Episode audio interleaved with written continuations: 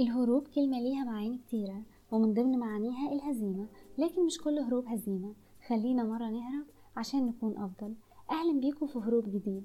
وإحنا صغيرين كنا دايما بنبص للسما وشايفين إنها قريبة وإننا ممكن نطولها ونلمسها لو طلعنا على سلم طويل. وكنا فاكرين إن القمر بيراقبنا لأنه دايما كان بيمشي معانا. كنا شايفين دايما لمعان القمر وما كناش عارفين إنه معتم وإنه انعكاسه زي الفحم. ولما كنا بنشوف النجوم بالليل كنا بنفضل نعدها. كل واحد بيشوف النجوم بطريقة مختلفة. في ناس بيشوفوها إنها عيون بتراقبنا وفي ناس بيشوفوها إنها أبواب لعالم تاني.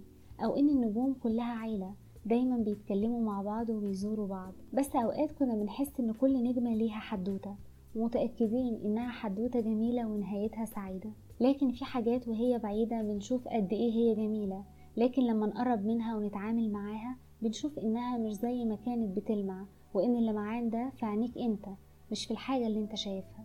ساعات بنتعشم في حد ونقول إنه هيساعدنا وإنه مستحيل يزعلنا لكن بعدها بنعرف إن اللمعان جوانا مش فيه هو. بلاش تتعشم في حد. خلي عندك حسن ظن في كل الناس وخلي عندك حسن نية لكن أكيد يحميها الحذر. وقبل ما تشوف حاجة وتقول إنها بتلمع افتكر إن النجوم بتتكون من الغيوم والتراب. وإن مش شرط كل حاجة بتلمع تكون وراها حدوتة جميلة. وإحنا صغيرين كنا بنشوف القمر ماشي معانا لكن القمر كان شبه ثابت. وإحنا كنا شايفينه معانا يمكن عشان بعد المسافة. بس لما كبرنا فهمنا وبقى عندنا إدراك إن الحاجة اللي هتفضل ماشية معانا هي الحاجات اللي جوانا. فخلي كل حاجة جواك كويسة واوعى تخذل أي حد يلجأ ليك ربما تكون أنت آخر أمل لديه. خليك حدوتة جميلة محتواها بيلمع ونهايتها سعيدة.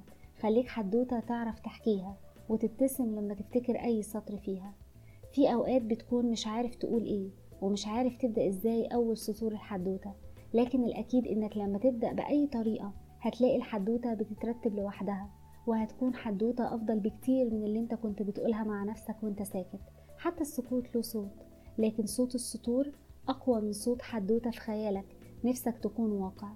مش هقولك إنك جواك نجمة بتلمع لأنها ملهاش معنى لو أنت مش قادر تشوفها أو تحكي عنها في حدوتة وعندما تشرق شمس حلمك عليك أن تودع الليل الذي اعتدت عليه وتهرب إلى حلمك سريعا. لا تتمسك بالليل المعتاد واهرب إلى ضوء الشمس. في النهاية جرب تهرب كل يوم لحاجة أنت بتحبها. أنت بتسمع أسماء علي؟ ههرب كل أسبوع لحاجة جديدة؟ ويلا نهرب.